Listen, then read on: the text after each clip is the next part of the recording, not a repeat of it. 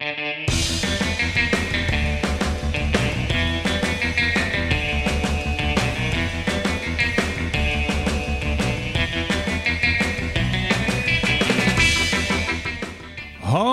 daar en welkom bij Studio Magic, de Nederlandstalige podcast over alles wat te maken heeft met Magic the Gathering. Mijn naam is Jeroen Koster en dit is aflevering 39. Hierin bespreken we de set Ikoria Lair of Behemoths. En ik zeg uh, we, want ik doe dit niet alleen. Bij mij aangeschoven in de studio zijn vandaag Casper Zeil. Yo! Hallo daar. En Ido Levy. Hoi hoi. Hey, van harte welkom heren. Jullie zijn allebei wel eens eerder uh, in Studio Magic geweest. Alleen nog niet allebei tegelijk, maar jullie kennen elkaar wel heel goed volgens mij. Ja, dat klopt. Ido en ik kennen elkaar meer dan tien jaar. En uh, we zijn beste maatjes. We hebben elkaar leren kennen bij, uh, toen we allebei bij McDonald's werkten. Ik kan me Ido nog herinneren zonder baard. Ja, er zijn uh, niet veel mensen die uh, dat ooit meegemaakt hebben vandaag de dag. En uh, ja, jarenlang bevriend, op een bepaald moment samengewoond. Ik had vrienden die over de vloer kwamen, die kwamen gezellig Magic spelen. En ten, ten eerste was Casper natuurlijk heel neerbuigend daarover. Allemaal nerdspelletjes die gespeeld werden. Mm -hmm. Maar kijk waar die nu is. ik heb één keer gezwicht en toen ben ik een keer mee gaan spelen. Omdat er toch, ja, ze, ze zaten er elke dag. en dan, uh, ja, dan speel je één keer mee en dan uh, ben je hoekt. If you can't beat them, join them. Juist. Ja. Ja, en nu uh, ben je inderdaad uh, nogal fanatieke Magic-speler. Nog fanatieker dan Ido misschien zelfs wel? Of, uh... Ja, ja, ja dat is, dat is ja. een hele, hele veilige aanname. ja, nee, jullie spelen behoorlijk wat formats, meer dan ik in elk geval. Je spelen allebei veel Commander, volgens mij ook Legacy en jij af en toe Modern. Ik mij. speel Modern ook, absoluut. en ik ben er steeds meer in aan het gaan. Maar Casper, die speelt volgens mij zelfs nog meer. Dus. Ja, en je bent tegenwoordig aan het streamen, Casper. Ja, klopt. Wil je daar iets over, wil je dat al pluggen? Of zeg je van nou, ik, ik, ga, wil je een nieuw microfoon en een nieuwe uh, camera? En ja, of ik een shameless plug wil. Nou ja, op zich wel. Uh, nee, ja, ik ben uh, tegenwoordig een beetje aan het streamen. Het is wel nog in de testfase. Ik ben inderdaad nog bezig met mijn setup voor elkaar krijgen. En een beetje gaan bedenken wat ik echt voornamelijk wil gaan streamen. En een streamingprogramma is ook wel belangrijk. Dus, uh, maar mocht je alvast willen meeproeven van hetgeen dat gaat komen, dan uh, kun je altijd terecht op Twitch. En dan kun je me opzoeken als uh, Tony Silence MTG. Er komt vast nog wel een linkje onder de podcast. Kunnen we regelen. Komt in de show notes. nice. ja. en ja, verder ben ik ook onder dezelfde naam op Twitter en op Discord te vinden. Dus ja, Tony, kom gezellig meedoen. Nice. Tony Silence, heb je dat zelf bedacht? Ja, ik uh, moest voor MTGO een nickname verzinnen. En toen, ik weet niet, dat schoot me gewoon te binnen. Want ik ben zelf een Tony Silence fan.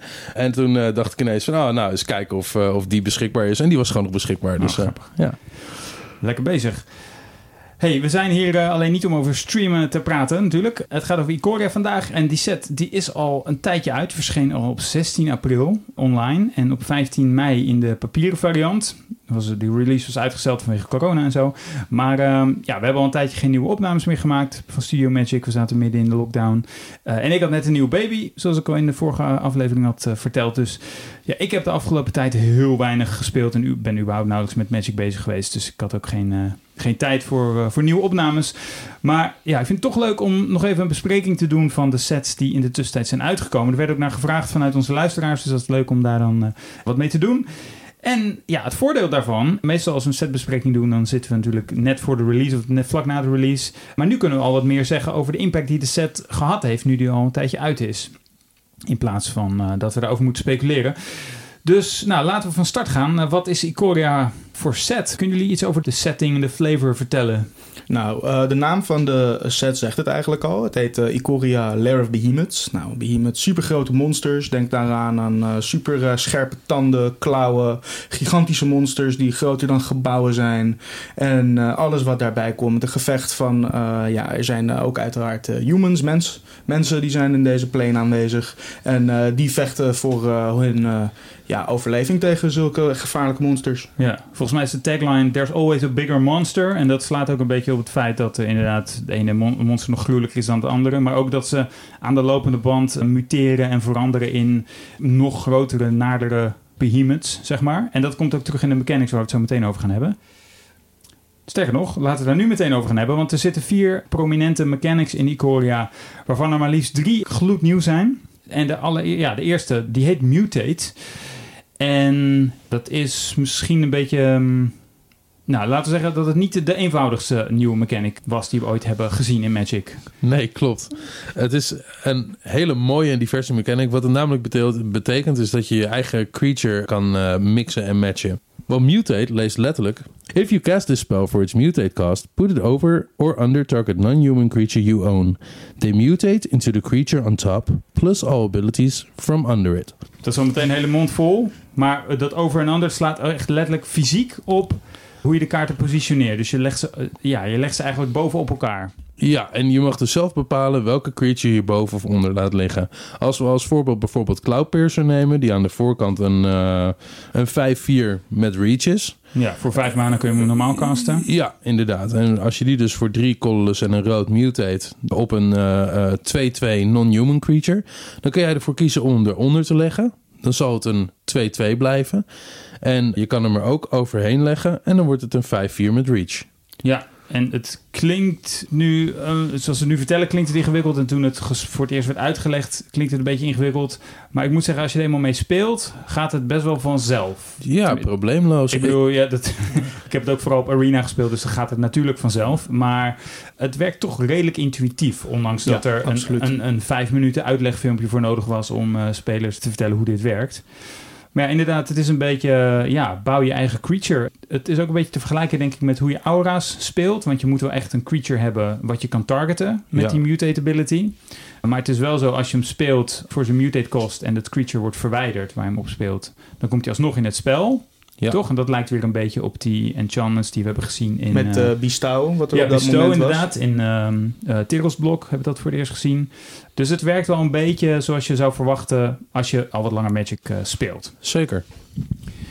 Nou, Cloudpiercer is dus een, eh, een voorbeeld. Nog een ander voorbeeld is de kaart Vulpikeet. En dat is voor vier maanden waarvan één wit een, eh, een Foxbird, 2-3 met flying. En die zegt, whenever this creature mutates, put a plus one plus one counter on it. En dat is ook vaak het geval. Als je een creature met mutate eh, speelt, dan veroorzaakt dat vaak nog een trigger.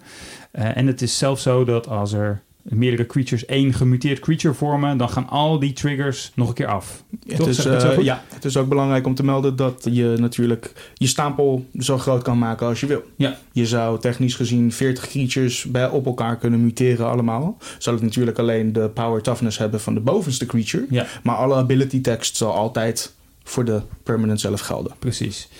En wat dan ook nog belangrijk is, zoals we hier met die vulpikiet hebben, de, je legt er dan een plus 1 plus 1 counter op. Die counter die blijft er gewoon op liggen. Of je daarna nou nog eh, 10 kaarten erbovenop of eronder schuift, dat maakt niet uit. Die counters die blijven erop liggen. Dus de power and toughness blijft dan gewoon permanent eh, verhoogd. Dus dat zijn een beetje ehm, de dingen die erbij komen kijken. Dat doet dus een beetje denken aan aura's, maar ook een beetje aan, eh, aan eh, die host- en augment kaarten uit eh, Unstable. Kennen jullie die? Zeker. Ja, zeker. zeker. Dat was heel Ja. leuk. Dat was ook wel een tof design. Het zou me niet verbazen als dit Wizards ongelooflijk geïnspireerd heeft. Of Ja. ook als een halve testfase heeft, eh, he- heeft gewerkt voor Ja. Wizards. Om eh, de mutate mechanic eh, goed te kunnen fine-tunen om het speelbaar te maken. Ja, ja. Maar vonden jullie het al met al eh, te complex eh, nu jullie ermee gespeeld hebben? Of viel viel er reuze mee? Nee, ik- vond het erg meevallen. En ik denk ook dat het eh, heel beginnersvriendelijk is. Wat je zegt, het ging allemaal heel automatisch eigenlijk. heel intuïtief. En ehm, ja, ik heb er eigenlijk eh, eh, gewoon eh, heel veel plezier aan gehad. Ja. Het was ook balanced in het formaat. Ja. In het limited formaat. Het leek op eerste opzicht eh, was ik eh, redelijk sceptisch erover. Ik eh, verwachtte dat eh, het tot eh, ongelooflijk rare board states en momenten zal leiden in een potje waarbij het soms een gigantische advantage of disadvantage kon Ja. veroorzaken. Maar eh, bij nader inzien om ook eh, mee gespeeld te hebben, kan ik ook zeggen dat het wel redelijk gebalanceerd en gewoon in het tempo van een potje Magic Ja. past. En heb je het dan vooral over limited of ook over andere formaten? Want ik heb het eigenlijk zelf nog niet heel veel in Constructed gezien. Nou, waar ik me heel erg over verbaasde... ik heb eh, een paar keer nog Commander gespeeld... En Casual Commander is de plek waar ik de meeste mutate kaarten heb gezien. Ja. Helemaal. En dat Klopt. is heel grappig. Er zijn natuurlijk best wel wat kaarten. Eh, neem een eh, Gem Razor bijvoorbeeld. Dat is een eh, creature die je voor één dubbel groen kan mutaten volgens mij. Dat is een eh, 4-4. En wanneer die eh, aanvalt dan, eh, of damage doet, dan mag je een artifact of enchantment eh, weghalen, geloof ik. Eh, nou, dat is natuurlijk een heel erg goed effect. Zeker in Commander, waar een hoop artifacts en enchantments gespeeld worden. Als die mutate mag je hem al destroyen. Oh, Zo'n die mu- mutate. mutate trigger, ja. Oh jee, Ja, dat, is, nee, eh, dat bedoel ik. directe impact en eh 4 power. Als je je mana elfje niet meer nodig hebt, dat is best wel sterk. Ja. En ehm, ja, ik vond het eigenlijk heel erg leuk om eh, Mutate eh, in Commander terug te zien komen. Aangezien het toch hè, een op zichzelf staande eh, mechanic is. blijkt toch best wel makkelijk adaptable in verschillende formaten waar de plek voor is. Ja. Dan een andere, ook een beetje controversiële nieuwe mechanic. Dat is Companion. En ja, eigenlijk zijn dat creatures die speelbaar zijn vanuit je sideboard. Als ik het zo goed zeg. Toch? Eh, Er is een, is een x-aantal kaarten. Ik weet niet precies hoeveel het er zijn. Die hebben de Companion ja, keyword zeg maar, op zich staan. Ja. En dat betekent dat je ze in je sideboard... eh, nee, je mag ze natuurlijk sowieso in je sideboard stoppen... maar je mag ze ook daadwerkelijk vanuit je sideboard spelen... tijdens een potje Magic. Althans, dat was de oorspronkelijke regel. Ja. Maar daar, daar komen we zo meteen op. Dus het idee was eigenlijk dat je een soort van... altijd een achtste kaart had Ja, in dat je wel. openingshand. Dat wel, alleen was er altijd een deckbuilding restriction eraan Ja. gekoppeld. Er was altijd eh, bijvoorbeeld eh, een kaart die je had. Obosh, de Prey Pierce, een zwart-rode kaart voor 5 mana. En die heeft een eh, ability die zegt dat uiteindelijk al je creatures of al je sources dubbele damage zullen doen als ze damage zouden doen. Maar je mag alleen maar oneven kaarten aan converted mana kost in je hele main deck hebben. Ja, dus dat laatste is dan de, de deckbuilding restrictie inderdaad. Eh, dat klinkt natuurlijk te gek dat je een creature op het veld hebt liggen die zorgt dat alles, eh, dat al je damage verdubbeld wordt. Maar dat betekent wel dat je van tevoren al je hele deck moet hebben, ja, eh, zeg maar gewarpt naar die companion. ja, anders zou het natuurlijk een beetje gek worden. Ja, precies. En nou, een ander voorbeeld die we ook nog volgens mij wel in standard veel hebben gezien en nog steeds zien, is Jorion. Jorion is degene die, eh, denk ik, de meeste golven maakt nog steeds. Eh, we hebben natuurlijk een eh, nerf gehad van deze mechanic. Want laten we even bij Lurus beginnen. Ik denk dat dat beter is. Oké, ja. Want Lurus die heeft namelijk het feestje een beetje verpest. Lurus is namelijk een één dubbele zwart-witte hybrid kaart voor drie mana dus. En dat is een eh 3-2 met lifelink. Ja. En die zegt dat je deck alleen permanents mag eh, bevatten van converted mana kost 2 of minder. En dat je elke beurt, als hij op het veld ligt, een permanent van converted mana kost 2 of minder uit je graveyard mag spelen. Nou, dat bleek in de meeste gevallen, eh, eh, in de meeste formaten, niet zo heel erg leuk meer te zijn. Want Ja, ja. ja, en, en, en goh, eh, dan, zonder kritiek te hebben op, eh, op, op Wizards en een eh, playtest team. Je zou denken, dat zie je wel aankomen. Want ik noem maar eventjes wat. eh, vintage, daar, daar was het gelijk al niet te doen. Daar gingen mensen Black Lotus twee keer achter elkaar spelen. En, oh, eh, ook een Legacy al was en, prima ja. te doen, kan ik zeggen. Ja, in Legacy kon je er natuurlijk ook dingen mee. Maar ook gewoon in Standard en in eh, Modern is het gewoon veel te sterk. Want dat Ja. je hebt al een achtste kaart in je hand eigenlijk. Omdat je hem voor drie mana zo mocht spelen. Ja. En dan heb je vervolgens nog eens een keer directe value... door bijvoorbeeld in Modern een Mishra's Bauble of zo uit je Ja, te het spelen. eh, moment waarop ik me ook besefte dat Lurus eh, wel degelijk een klein probleempje was wellicht, was wanneer Burn ook gewoon Mishra's Bauble begon te spelen. Om Lurus ook als companion te kunnen hebben om daar de value uit te kunnen halen. Ja. En, eh, dat... eh, Maar goed, in ieder geval, dan hebben we eh, dus te maken met een mechanic die eigenlijk veel te sterk was. En toen hebben Wizards besloten om daar wat aan te doen. Die hebben gezegd van nou moet je horen, het was misschien inderdaad een beetje overmoedig. We hebben dus nu gezegd je moet drie colorless betalen. Je hebt nog steeds dezelfde deckbuilding restrictions en zo. Maar als je een companion speelt, moet je drie colorless mana betalen om die kaart vanuit je sideboard in je hand te stoppen. En dat heeft best redelijk gewerkt. Dat heeft bijna alles wel redelijk gecorrigeerd. En dan komen we uit bij Jorion. Jorion is dus eigenlijk degene die deze nerf overleefd heeft. Jorion, Sky Nomad, is namelijk een blauw-witte kaart. Ook voor 5 mana. En die zegt dat je deck 20 kaarten meer moet bevatten dan het minimum voor het betreffende format. Ja. In Limited betekent dat dus dat je 60 kaarten speelt. En in Constructed eh 80 in plaats van 60. Populair in Standard en Modern. Maar in Pioneer kun je die dan weer niet spelen. Want daar moet je inderdaad Commander, altijd... Commander. Commander, sorry. Ja. In Commander moet je inderdaad eh, altijd 100 kaarten in je deck hebben zitten. Ja, Jorion is eigenlijk de enige die deze nerf overleefd heeft. Eh, zowel in Legacy vooral als in Modern. Omdat Jorion decks... ehm, wacht, ik heb nu helemaal niet gezegd wat Jorion doet, toch? Uh, Jorion is in ieder geval een 4-5 uh, flying. En die zegt wanneer die de battlefield entert, dan mag je uh, zoveel non-land permanents exilen die jij controlt. Behalve zichzelf natuurlijk. Behalve zichzelf, other, ja. En die komen dan aan het einde van je beurt weer terug. Dus uh, ja, dat is gewoon heel erg sterk. Dat is echt een late game kaart. En daarom is het ook niet zo erg dat je er drie maanden voor moet betalen om hem in je hand te stoppen. Mhm. Mm -hmm. Ja, waanzinnig sterke kaart. Goed in control decks. Uh, veel decks spelen daardoor ook uh, vooral in Legacy bijvoorbeeld Utopia Sprawl en oh, sorry, Abundant Growth en Astrolabe. En dan kun je gewoon late game heel makkelijk gewoon weer zeven kaarten trekken en een 4-5 flying neerleggen. Dat is best wel sterk. Ja. Ja, ik speelde afgelopen vrijdag voor het eerst uh, weer eens op de FNM uh, Modern. En toen speelde ik mijn uh, oude vertrouwde Devoted Company, of nee, niet Devoted Company, Devoted Devastation deck. Waar inderdaad ook Lurus tegenwoordig in zit. Maar ja, die, ik heb hem volgens mij nul keer gecast die hele avond. Want Modern is toch wel vrij snel over het algemeen. En um, ja, voordat je drie mana over hebt om Lurus dan naar je hand te halen. Dat komt er niet zo vaak voor. Laat staan dat je hem dan ook nog eens kan casten. Dus volgens mij in Modern is het niet zo'n heel uh, impactvolle mechanic meer, denk ik. Nou ja, uh, in ieder geval. Uh, misschien Lurus, niet in deck wat ik speel. Maar. Nee, ik denk dat Lurus degene is die juist bijna die het meest uh, gepakt is met deze nerf. Want Lurus is eigenlijk dus bedoeld voor decks die eigenlijk al uitcurved op twee. En die dan eigenlijk op die derde beurt, waarin je eigenlijk bijna ja. geen kaarten meer op hand hebt, hem neer kon leggen en er gelijk value uit kon halen. En ja, nu is die kaart gewoon te traag ja. voor ja. dat soort decks. Het is een 6 drop, zo kan je het eigenlijk het beste zien. Het kost ja. je drie mana om hem in je hand te zetten. Oké, okay, dat is wellicht een special action, kan niet op gereageerd worden of iets dergelijks. Maar het is gewoon veel te veel mana voor zo'n effect dan om dat uh, te kunnen neerleggen. Dat kan je in een format als Modern absoluut niet veroorloven. Daar heb je gewoon de tijd niet. Ja. Ja, voor de duidelijkheid, je mag hem dus vanuit je sideboard spelen. Maar dat mag je één keer of, uh, naar je hand halen, maar dat mag je maar één keer doen in de game. En je mag ook niet uh, bijvoorbeeld vier kopieën ervan uh, in je sideboard stoppen en die dan alle vier. Nee, je mag maar spelen. één designated companion je mag hem, echt ja, maar hebben. Maar eentje als companion aanwijzen. Ja, je zou vier Lurus absoluut in je sideboard kunnen hebben, maar dan zouden er drie van ja. in je sideboard zijn en maar één daarvan in je companion die dan in je sideboard zit. Ja, precies. Oké, okay, dan nog een ability: keyword counters. Wat zijn dat? Uh, eigenlijk precies wat je zegt. Keywords zijn bijvoorbeeld flying, vigilance, reach, trample.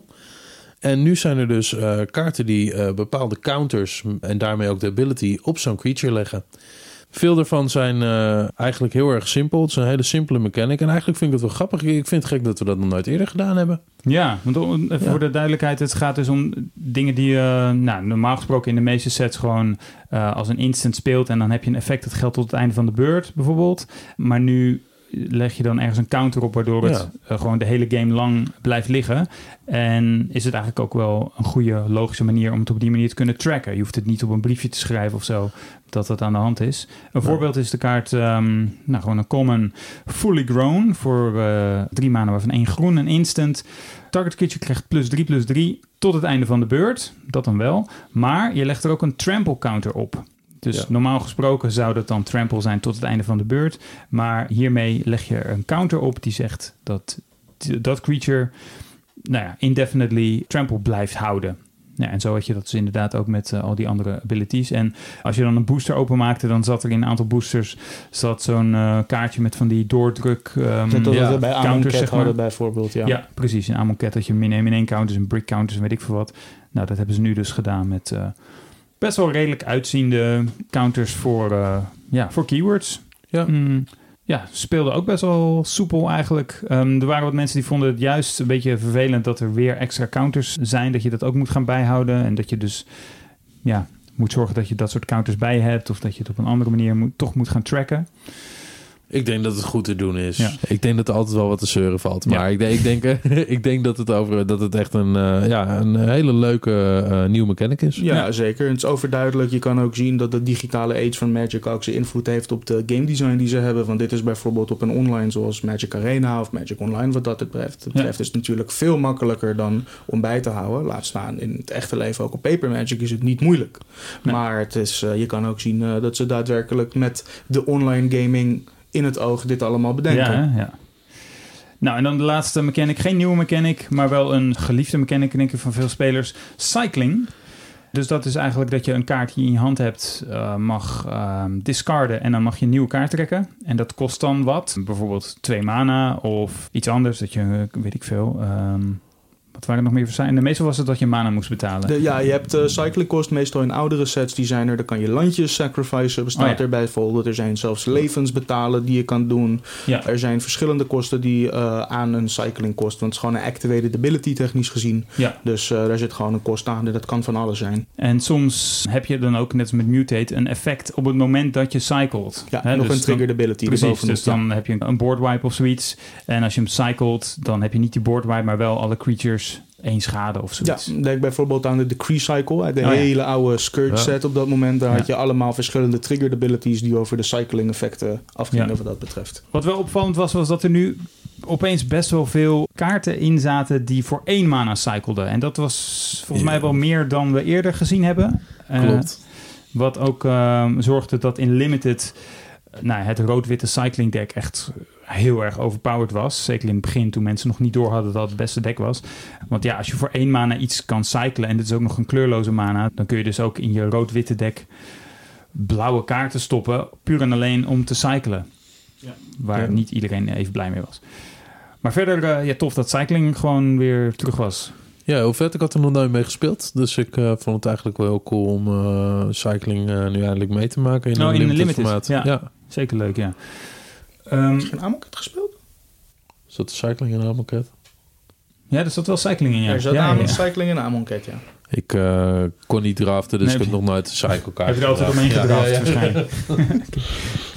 Oké, dus tot zover de mechanics. Wat je ook in veel Magic sets ziet, is dat er uh, bepaalde ja, cycles of setjes van kaarten in zitten. waar elke kleur of elke combinatie van kleuren er één van heeft. En in Ikoria had je bijvoorbeeld de zogeheten triomes. Dus je had vijf verschillende triomes. En dat waren uh, landjes die tapten voor drie verschillende kleuren mana. En ook drie verschillende basic land types hadden. Dat was volledig nieuw. Mensen waren best wel hyped toen ze dat, uh, toen ze dat zagen. En die zelf ook nog eens cycling hadden. Dus je kon ze ook nog eens wegcyclen als je ze niet nodig had. En een voorbeeld is Savai Triome. Dat is een uh, land met de types Mountain, Plains en Swamp. Dus een soort Mardu-landje eigenlijk. Die komt wel getapt in het spel. Dat geldt voor al die uh, triomes. En je kan hem cyclen voor drie kleurloze mana. Ja, supergoed. Ja, Heel hoge goed, cycling kost, maar de versatiliteit die je krijgt dan op een landje is uh, enorm. Wat ja, waanzinnig hè? doen. Ja, nou, die zie je dus ook veel in standard nu terugkomen. Dat mensen gewoon een paar van in hun deck uh, stoppen als ze in twee of drie van die kleuren zitten. Ook beschikbaar per uh, ja, wedge noemen ze dat dan. Zo'n setje van drie, drie kleuren. het zijn zogeheten crystals. Dat zijn mana stenen die ook voor drie verschillende kleuren kunnen tappen. En die ook cycling hebben. Dan had elke kleur een eigen apex creature. Hè, dus het gaat op Ikoria over van die grote creatures. En er waren dan een paar grote eindbazen. Maar ook allemaal mutate kaarten, toch? Ja, volgens Ja. mij wel. Ja. Heel cool. En een voorbeeld is, um, ja, het waren echt hele splashy kaarten. Een voorbeeld is Snapdex, Apex of the Hunt. Nou, net hadden we het over dat Mardu-landje. Dit is dan de Mardu Apex Creature. Die kost namelijk vier mana, waarvan één rood, een wit en één zwart. Met double strike. En als die muteert, mutates, dan doet hij vijf schade aan target creature of planeswalker van een tegenstander. En je krijgt zelf vier leven. En hij is 3-5. Nou, best, best wel bruut. en uh, de mutate kost is 5 mana, waarvan 2 wit en 1 Rakdos uh, symbooltje. Dus een rood- Hybrid. hybrid uh, rood-zwart. Nou ja, dat soort heftige kaarten met heftige effecten, die, die zaten er dan in. Dus elke um, wedge, elke, uh, elke van de vijf wedges heeft zo'n uh, uh, kaart. Even kijken, wat hebben we verder nog?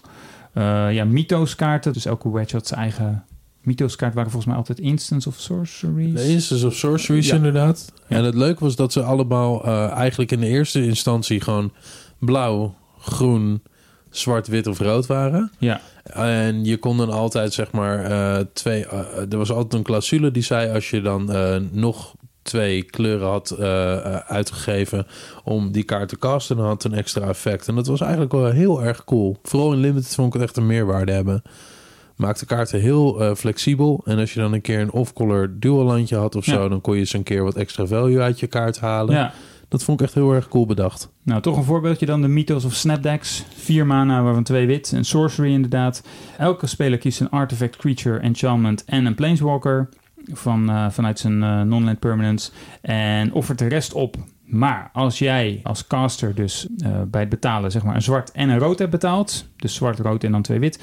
Dan ben jij degene die voor elke speler die keuze maakt. Dus dan is het een enorme blowout. Want dan ja, zorg je gewoon dat iemand alleen zijn food token overhoudt, maar wel zijn, uh, weet ik veel, zijn... Uh, Betere permanent ja, moet doen.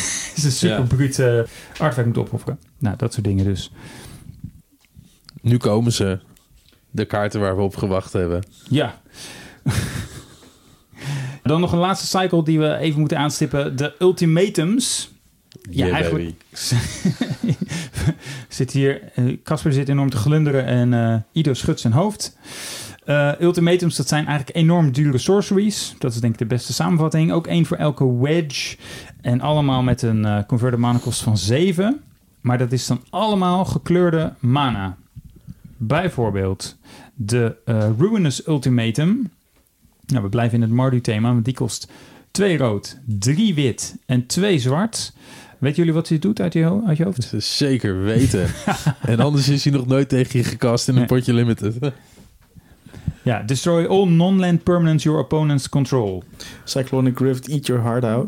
Ja, een eenzijdige board wipe. Als je daarna de game niet wint, dan... Uh, dan ik dan vind, uh, als jij een uh, ultimatum weet te resolven, dan uh, hoor je gewoon... Het ja, dan verdien je het al, hè? Ja, ik, al. ik, moet zeggen, ik, ik heb toen een release stream gedaan van Ikoria op Arena. Ik stream, stream nooit standard of, of, of limited, nieuwe limited sets.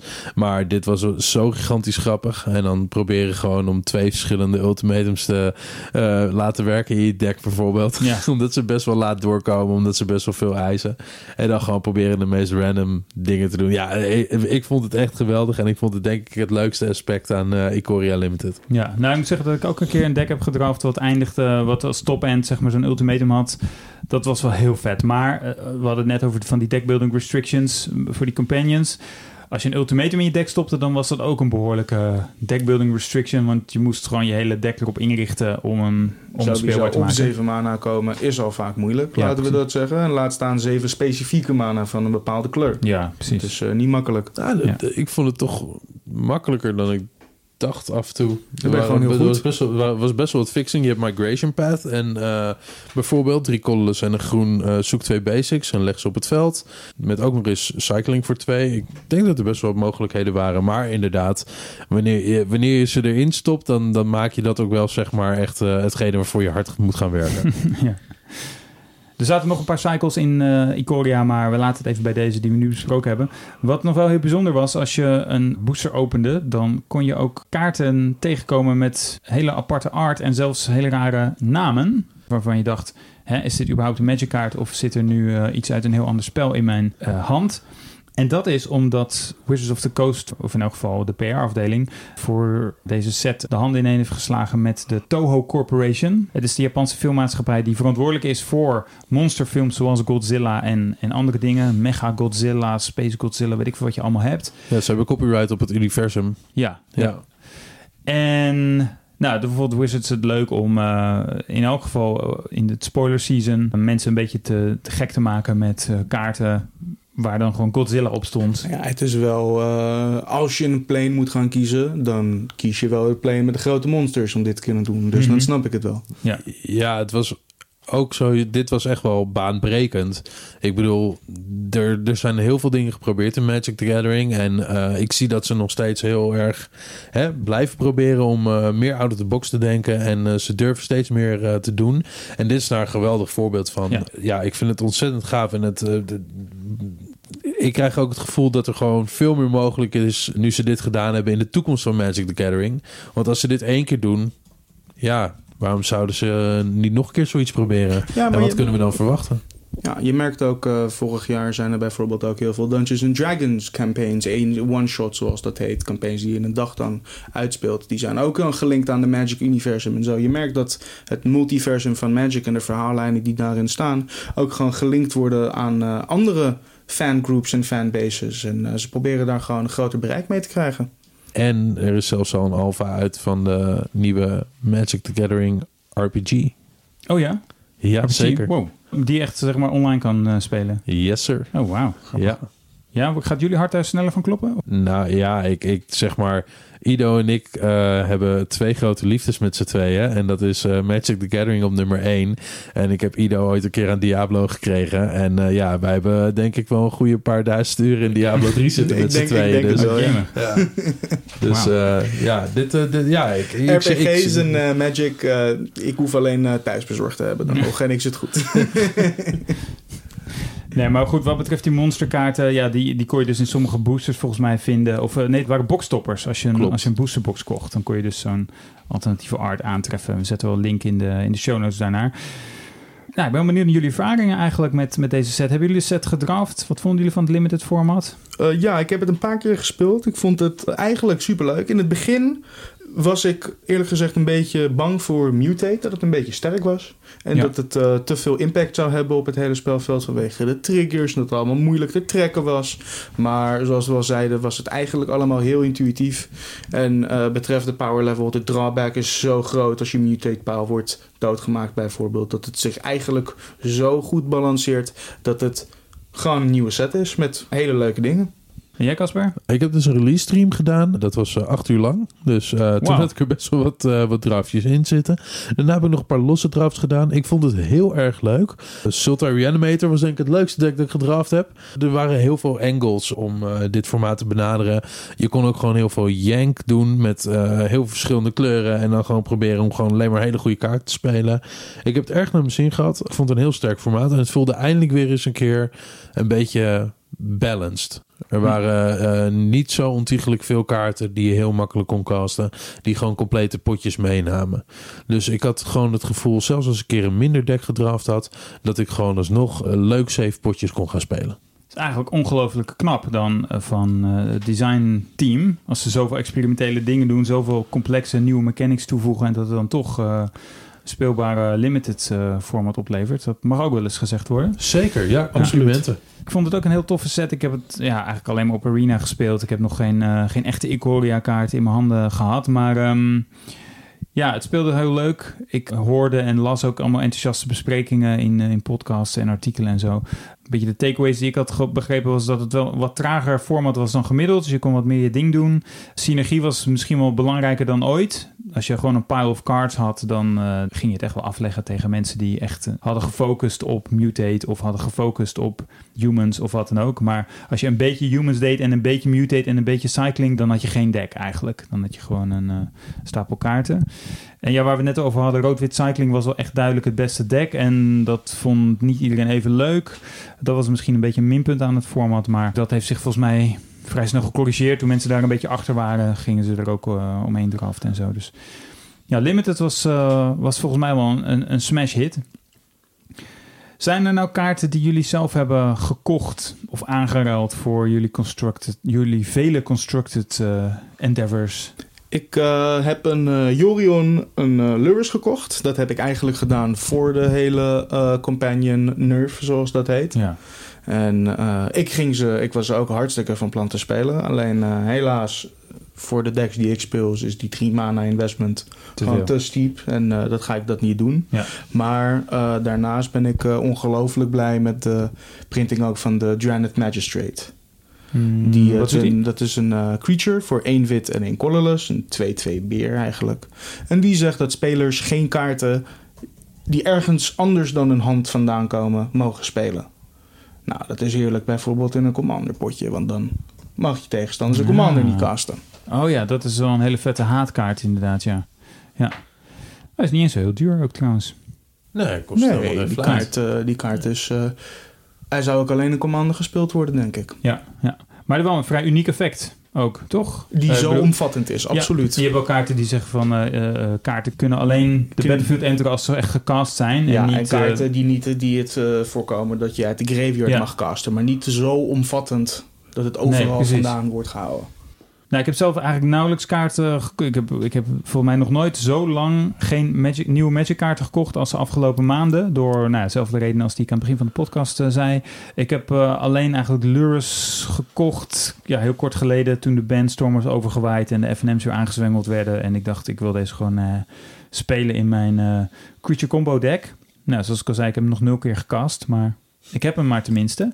En jij, Casper? Ik heb ook inderdaad post-ban eh, een Lurus gekocht. Gewoon omdat ik dacht van nou, dat eh, kan vast geen kwaad om er eentje te hebben liggen. Ja. En eh, ik heb destijds een keer voor een euro een Jorion gekocht. Jorion is geweldig. Dacht gelijk al van, god, dat is een kaart die ik wel goed kan gebruiken. Ik speel hem in Legacy in het zogeheten Snowco deck.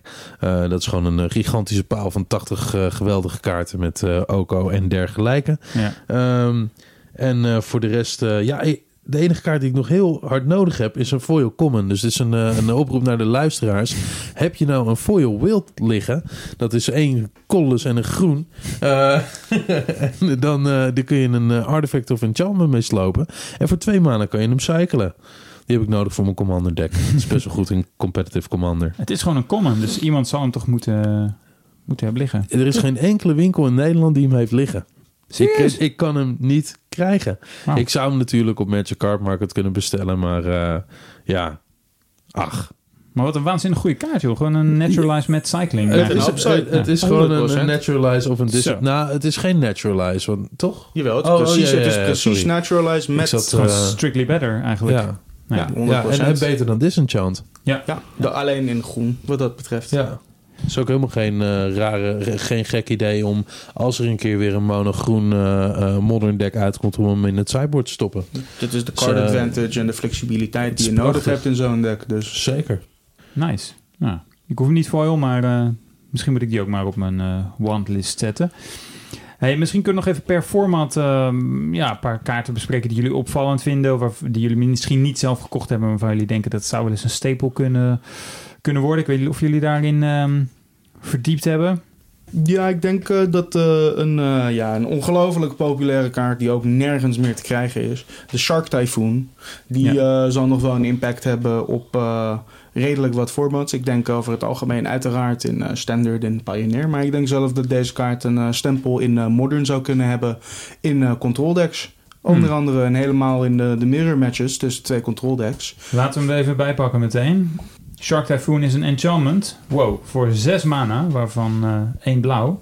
En die zegt elke keer als je een non-creature spel speelt, dan mag je een XX blauwe Shark creature token met flying eh, creëren. En X is dan die spel zijn converted mana kost. Dus als je een spel speelt voor 5 mana, dan maak je een 5-5 blauwe vliegende Shark. Maar er staat nog veel meer op die kaart. De kaart heeft namelijk ook cycling. Ik zou bijna zeggen, welke Ikoria kaart heeft dat niet? De cycling kost is in dit geval X en een generieke mana en een blauw. Dus ja, kan zoveel indraaien als je wil. En wanneer je Shark, eh, Shark Typhoon cycelt, dan maak je een XX blauwe Shark Creature Token met Flying. Ja, en het mooie eraan is, en wat dit zo uniek maakt, is, eh, zoals ik eerder al zei, cycling is eigenlijk een activated ability. Het kan niet gecounterd worden door de middel van traditionele counterspells. Het is ook eh, niet een spel die je cast of iets dergelijks. Bijvoorbeeld UW control decks spelen Teferi Time Raveler, die ervoor zorgt dat je te- tegenstander alleen op sorcery speed dingen kan doen. Ja. Dit werkt er gewoon keurig omheen, het triggert een activated ability. En zo kan jij je tegenstander op het moment wanneer het nodig is, in één keer eh, met een vliegende hideout slaan. Vet. Trouwens, eh, wel leuk om even te vermelden. Dit is natuurlijk een knipoog, deze kaart, naar de Sharknado filmserie. Heb je die nog niet gezien? Doe het niet. Ik vind het geweldig. Dus eh, ja, je, je zou het eventueel even op kunnen zoeken. Het is een gigantisch leuk knipoog naar weer een ander universum met eh, grote mooie monsters. Ja, ook een monsterfilm inderdaad. Ja. En ja, Sharknado is precies wat, wa- wat het woord zegt. Gewoon een, een, een windstorm van haaien die door de lucht vliegen. En dat is ook precies wat je op Shark Typhoon ziet afgebeeld. Dus het zou zo, eh, je zou het zo kunnen inwisselen zeg maar, voor, de, voor de filmposter, denk ik. Zeker. het vat de film ook mooi samen. Er zijn meerdere delen ook van, toch? Van, Eh, er zijn er volgens mij vier. holy crap. Ja, het is echt de, en de ene is nog geweldiger dan de ander. Dus geef na de eerste niet op, da- dappere luisteraar, en Ja. kijk door. Mijn hemel. Ik weet ook niet of ik eraan wil. Ehm, hey, eh, Oh, we hadden het over Modern. Zijn daar, daar wat jou betreft, Casper, ehm Ja, kaarten best, die eh, interessant zijn? Best veel. General Kudrow is eh, een hele leuke toevoeging voor humans. Dat is een 3-drop eh, in... Kan nog net voor een humans deck. Ja, ja voor, voor één een wit en een zwart. Ja. En eh, dat is een kaart die en zorgt dat, hij, eh, dat je grote creatures op kan lossen. En hij geeft ook nog een kleine boost. Dus eh, dat is eh, gewoon al over gewoon een kaart die er precies in past. Ja, en inderdaad ja. precies in de curve past. Ja, het is een soort human lord. Andere humans die krijgen plus 1 plus 1. Ja. Inderdaad. En volgens mij in het, in het verhaal is General Kudrow een beetje de, beetje de bad guy, volgens mij onder de humans. Ja. Die, eh, En ja. die, eh, die, die stuurt, stuurt iedereen eh, de slacht in door eh, Op jacht te gaan. eh, ja, die op jacht te gaan op die grote beesten, terwijl ze eigenlijk geen kans maken. Dat is wel Dus, heel eh, flavorful, want zijn activated ability is twee generieke mana en twee humans opofferen. Het dubbele punt, destroy target creature met power 4 of meer. Ja, en dat, Dus- en dat is gewoon best wel goed voor, eh, voor, voor humans in modern. Omdat ze gewoon... Vaak is dat hetgene waarop het misloop, het misloop bij humans... is dat er een keer iets groots neer wordt gelegd... en je hebt een keer geen reflector mage om er vanaf te komen. Dan moet je een manier vinden om, om die eh, grote beesten heen te werken. En eh, dit is een manier om... toch de bigger endgame voor je tegenstander te stoppen. Ja. Eh, daarnaast hebben we ook nog Lurus natuurlijk. Lurus die eh, is misschien genervd, maar zoals je net al zei, jij speelt hem in je groen-witte combo deck. Ik denk ook dat er vast nog wel een grindy value deck is, wat er prima mee uit de voeten kan. En ik denk dat we nog meer van die kaarten gaan zien, maar dat gewoon even tijd nodig heeft. Ja. En Shark Typhoon is denk ik zelfs heel goed modern playable inderdaad. Ja, je, kan, eh, je houdt je counter magic open, je cryptic command of je archmage's charm en eh, je tegenstander doet niks. Nou, end of turn maak je maar een 6-6. Ja, en Zeg als je de late game haalt, dan leg je hem gewoon als enchantment neer en dan ehm Ja, waarom dikke, niet? En dan eh, Dikke is het binnen twee beurten wel klaar. ja. dikke haaienstorm. Wat eh, in Modern denk ik ook nog wel fringe playable is, maar vooral in Pioneer, is eh, Luca, denk ik.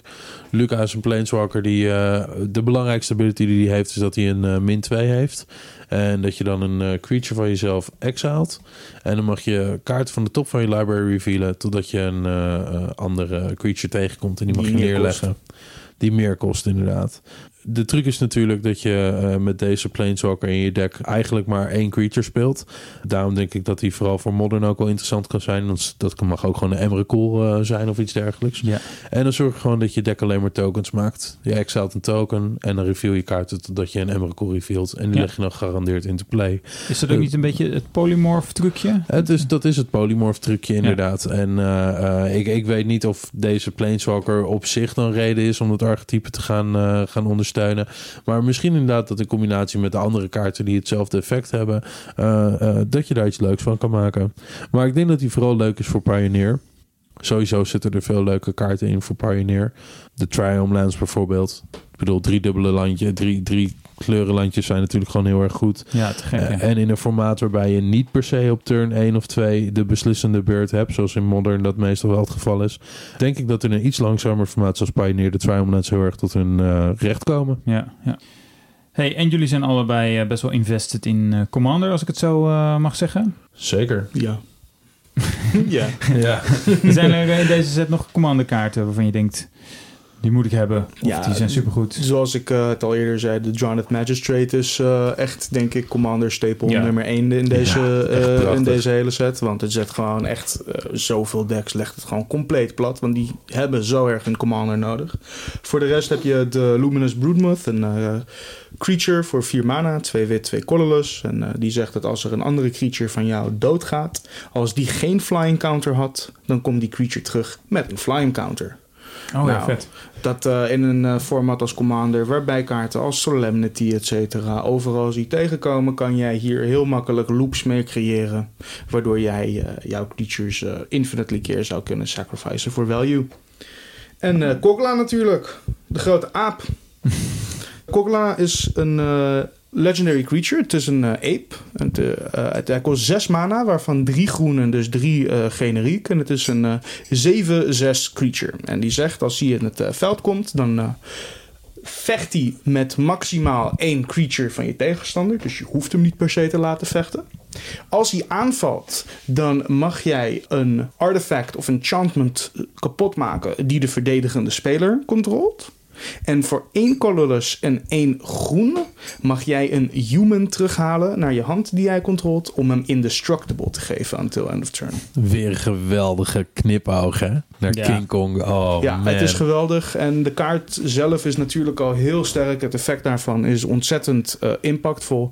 Alleen in Commander zijn de combo mogelijkheden door middel van die laatste ability zijn zo enorm groot. Ja, je kan gewoon heel veel sterke dingen doen. Ehm, eh, zowel eh, binnen een eh, fair frame, zeg maar, zoals het terughalen van een Eternal Witness in Commander, tot en met het terughalen van dingen zoals een eh, Village Bell ging er eh, bijvoorbeeld om alles te untappen en dan weer te kunnen gaan. Ja, bijvoorbeeld. Of, eh nou ja, goed, dus, er zijn gewoon op heel veel verschillende manieren en op verschillende eh, eh, power levels zijn die gewoon hele leuke dingen mee te doen. En eh, ja, hij is dus echt van casual tot competitive gewoon super playable. Ja, hele brute kaart. En inderdaad wel, ja, meer dan alleen een knipoog. Het is wel echt heel flavorvol gedaan. Eh, inderdaad, verwijzing naar King Kong. Maar je ziet hem in plaats van op een flatgebouw op het plaatje... dan zie je hem op zo'n kristal klimmen. Ikoria staat vol met kristallen die dan bepaalde, weet ik veel, energie of zo Ja, hebben. En ehm, er vliegen geen vliegtuigen omheen, maar een soort ja, luchtballonnetjes of iets dergelijks. En hij heeft inderdaad een mens in zijn handen. En ik weet even niet wie dat dan, eh, welk personage dat is in het verhaal, maar het scheelt King Kong aan alle kanten. precies. Ja, ik vond voor Commander eh, Vivian Monsters Advocate ook wel echt een geweldige planeswalker. Volgens mij is die uit mijn hoofd 3 colorless 2 groen. Begint op 3 loyalty. En die heeft een eh, passief effect wat je nu wel vaker ziet op planeswalkers. Dat je altijd naar de topkaart van je library mag kijken. En mits daar een, een, een creature kaart bovenop ligt, mag je die creature kaart gewoon casten vanaf de top van je library. Nou ja, En voor plus 1 mag je volgens mij een, eh, eh, eh, een 3-3 beast maken. En daar mag je dan een vigilance, een reach of een trample counter op zetten. En voor een min 2 mag je, wanneer je de eerstvolgende creature spel speelt, mag je een creature opzoeken uit je deck met een converted mana cost minder dan de creature die je aan het kasten bent en die op het veld neerleggen. Jemig, mensen, jullie zien dit niet, maar Casper die, die doet het gewoon strak uit zijn hoofd. Wij, hebben, wij zijn al maandenlang bezig Ja. met combo's bedenken met deze dingen. Dus. Ja, Ja, ik vind deze kaart echt heel cool. zeker vet, ja. Je doet wel echt heel veel verschillende dingen. Ja, ik bedoel, het geeft ontzettend veel gas natuurlijk. Het is een vijf maanden planeswalker die maar met drie loyalty binnenkomt. Dat is weinig, dat is makkelijk aan te vallen. Maar altijd waar je het eerst naar kijkt is... verdedigt deze planeswalker zichzelf. Ja. En deze plus 1 doet dat prachtig. Want 3-3 beesten met vigilance pompen is geweldig om je planeswalker te verdedigen.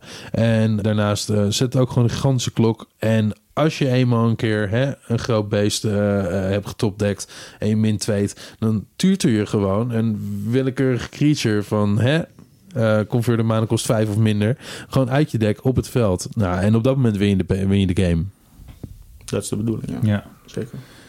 Nou, nu we het toch over Commander hebben. Er is ook een Commander product gereleased, zeg maar rond deze tijd. Eigenlijk tegelijk met die Ikoria. En dat is het jaarlijkse Commander product. In dit geval dus Commander 2020.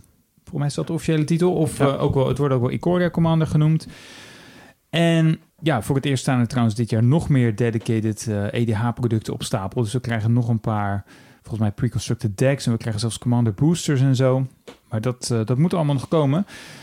Eh, deze set was eindelijk weer eens een keer vijf decks in plaats van vier. Met allemaal een, ehm, een, een commander. Waren dat allemaal mutate creatures? Ik had dat in de show notes gezet. Nee, volgens mij niet. Nee, hè? niet per se, nee. Ehm, hebben jullie, ik heb die set eh, voor het eerst in jaren heb ik eh, geen Commander product gekocht. Omdat ik gewoon nauwelijks met Magic aan, aan Magic toekwam. Hebben jullie hier nog iets mee gedaan? Ik eh, heb eh, wel degelijk gekeken naar eh, sommige kaarten die erin zitten. Zoals vooral de gratis cycle die er eh, ingeprint is. Gratis cycle. Hm, Het, dat wil ik die ook wel hebben. Het, het gaat erom dat er een aantal spels zijn die jij eh, geen mana voor hoeft te betalen als jouw commander in het veld ligt. En Ah, ja. eh, Ja. je hebt bijvoorbeeld de blauwe, die kost normaal twee colorless en één blauw. En die zegt counter target non-creature spel. Het is een overdure negate eigenlijk. Maar die mag je gratis spelen als je commander ligt. Ja, dat is gewoon een heel sterk effect. Dat zijn dan. vette dingen, ja. ja. En eh, zo is er eentje die past bij elke kleur. De rode verandert de target. De witte maakt alles indestructible. Cool, ja, volgens mij is die blauwe is wel de beste van alle vijf, toch? Ja, Zeker, en ja. wel de duurste ook. Oké. Volgens mij was het voor de rest eh, eh, ja, redelijk smaakloos. Deze commander set? Nou, er waren niet heel veel leuke dingen. Er was één leuke commander tussen. Ik weet eh, zijn naam niet meer, maar dat was een Temur gekleurde in die drie kleuren. En die liet je instant een sorceries kopje als hij getapt was. Oh, dat vind ik leuk. En dat was een redelijk leuke commander. Maar voor de rest zijn er wel wat unieke kaarten geprint met unieke effecten. Ze hebben eh, in de commander format veel meer natuurlijk met die eh, keyword counters proberen te doen ook. En eh, het heeft eh, wel gewoon tot eh, ook hele nieuwe partner mechanics geleid. Oh ja, er zaten ook nieuwe partners in. Ja, dat is natuurlijk wel erg leuk. Ja, het is wel een leuke speelbare set volgens mij. Ik heb er wel wat gameplay van gezien en het, het zag er wel echt weer heel tof uit. Het power level was zeker beter. Ja, ja. Ja. Zo, ik trouwens, die eh, Fierce Guardianship, die, die gratis blauwe spel, die is 30, inderdaad... eh, 35 euro. nou, al gauw, ja. ja. Wauw. Terwijl die in geen één ander format bespeelbaar is überhaupt. Ja, Letterlijk nou, wel niet. speelbaar. Ja, je kan wel spelen, toch? Ja, je Eh, kan in Legacy drie, spelen, maar dan speel je heeft geen zin, gate. ja. Dat kon ik het niet vinden. Ja. Hey, laten we, laten we even gaan afronden. Ehm, wat is een beetje jullie conclusie als je terugkijkt op Ikoria?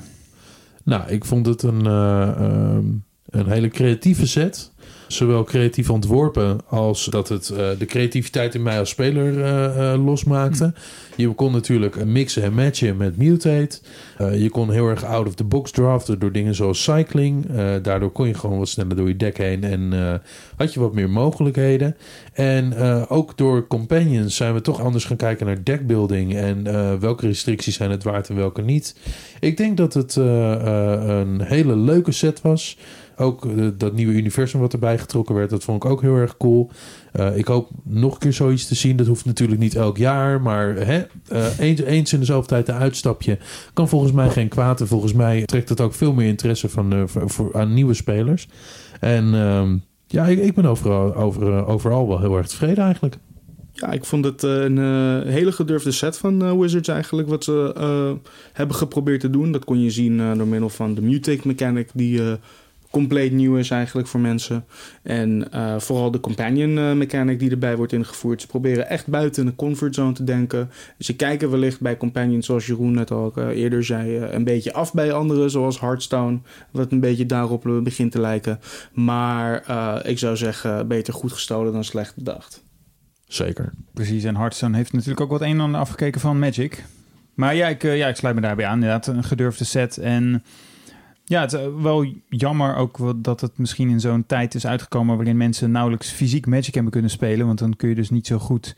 me- Het is niet zo representatief, zeg maar, eh, qua verkoopcijfers misschien. Dus je kan moeilijk meten van... eh, heeft dit het nou echt supergoed gedaan of, of niet? Dat vind ik wel jammer voor Wizards, dat ze daar dus weinig conclusies aan kunnen verbinden. En of ze dit dan vaker moeten doen of minder vaak. Maar ik vond het ook wel een hele toffe set. Pakt er allemaal goed uit.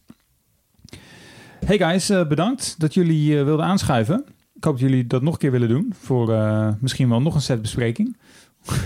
We Ja, denken erover na. Dat eh, zien we dan wel, ja. Cool. Mooi. Hey, met deze hoopvolle eh, laatste woorden zit eh, deze 39ste aflevering van Studio Magic er alweer op. Wil je meer horen? We zijn te vinden in iTunes en in Spotify. Daarnaast in Stitcher, TuneIn en in andere populaire podcast apps. Je kunt je daar gratis abonneren en eerder afleveringen beluisteren. En volgende afleveringen natuurlijk ook, zoals onze bespreking van eh, bijvoorbeeld M21. Al die afleveringen kun je ook afspelen via onze eigen website studiomagic.nl. Je doet ons een groot plezier als je ons volgt op Twitter of liked op Facebook. Dan kun je ons ook vragen stellen of feedback geven. En we zitten zelfs op LinkedIn. Op al die sociale netwerken heten we gewoon Studio Magic NL. De muziek die je hoorde is track Surf Shimmy van Kevin MacLeod onder een Creative Commons licentie. Meer informatie daarover in de show notes. Bedankt voor het luisteren en tot de volgende Studio Magic.